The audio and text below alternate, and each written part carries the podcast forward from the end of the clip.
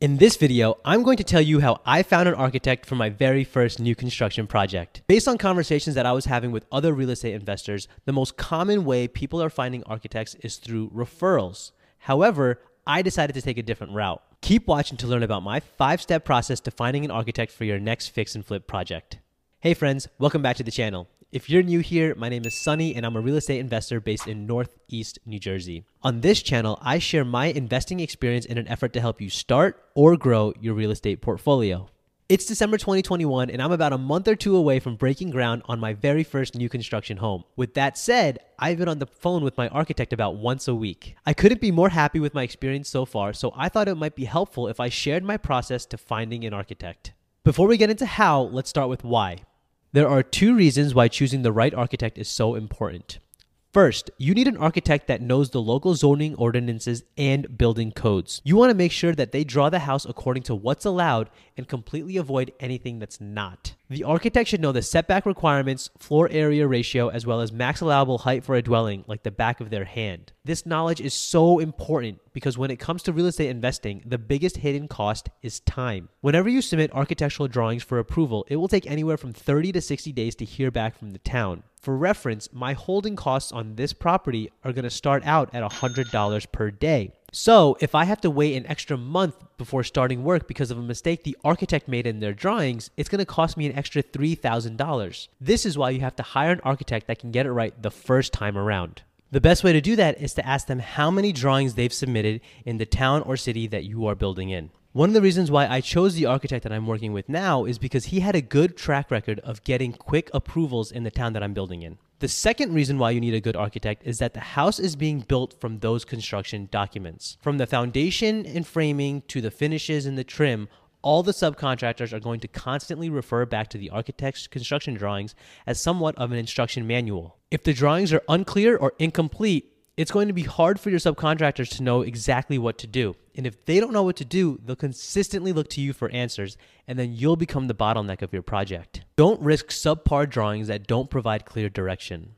The architect I selected wasn't the lowest priced bid I received, but he did provide the most thorough and complete bid. I'm a firm believer in how you do anything is how you do everything. So when I saw the robust bid package from the architect I did choose, it was a sign in the right direction. All right, now that we've covered why it's so important to find a good architect, let's get into how to find a good architect. This is a five step process, so pay close attention. The first step is to find your comps. If you're taking on a new construction project, chances are that there are recently sold new construction homes in that market. If the market that you're building in doesn't have any recently sold new construction homes, you may want to reconsider your strategy. For this step, you can use a website like Zillow. I start by typing in the zip code or the name of the town.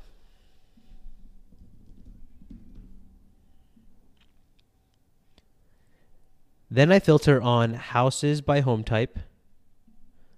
I look at sold properties only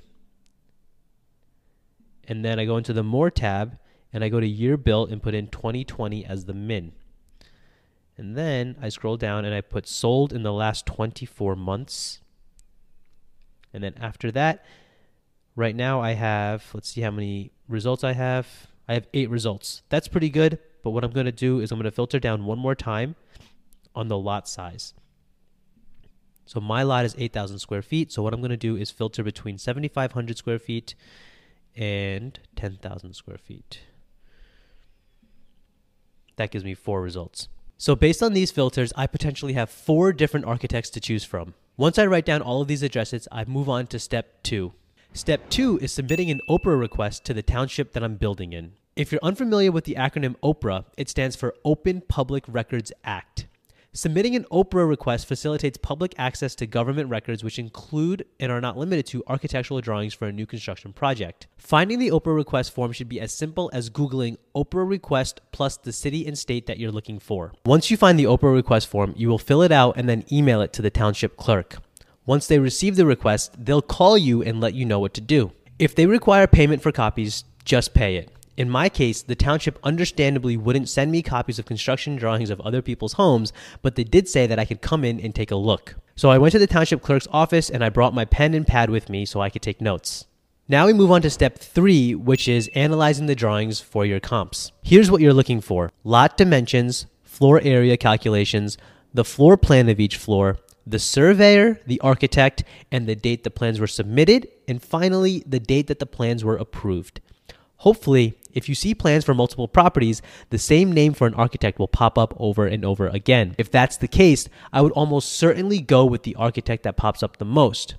The reason being is architecture is a game of reputation. If a town sees the same name submitting plans over and over, you're just increasing your odds of getting approved quickly.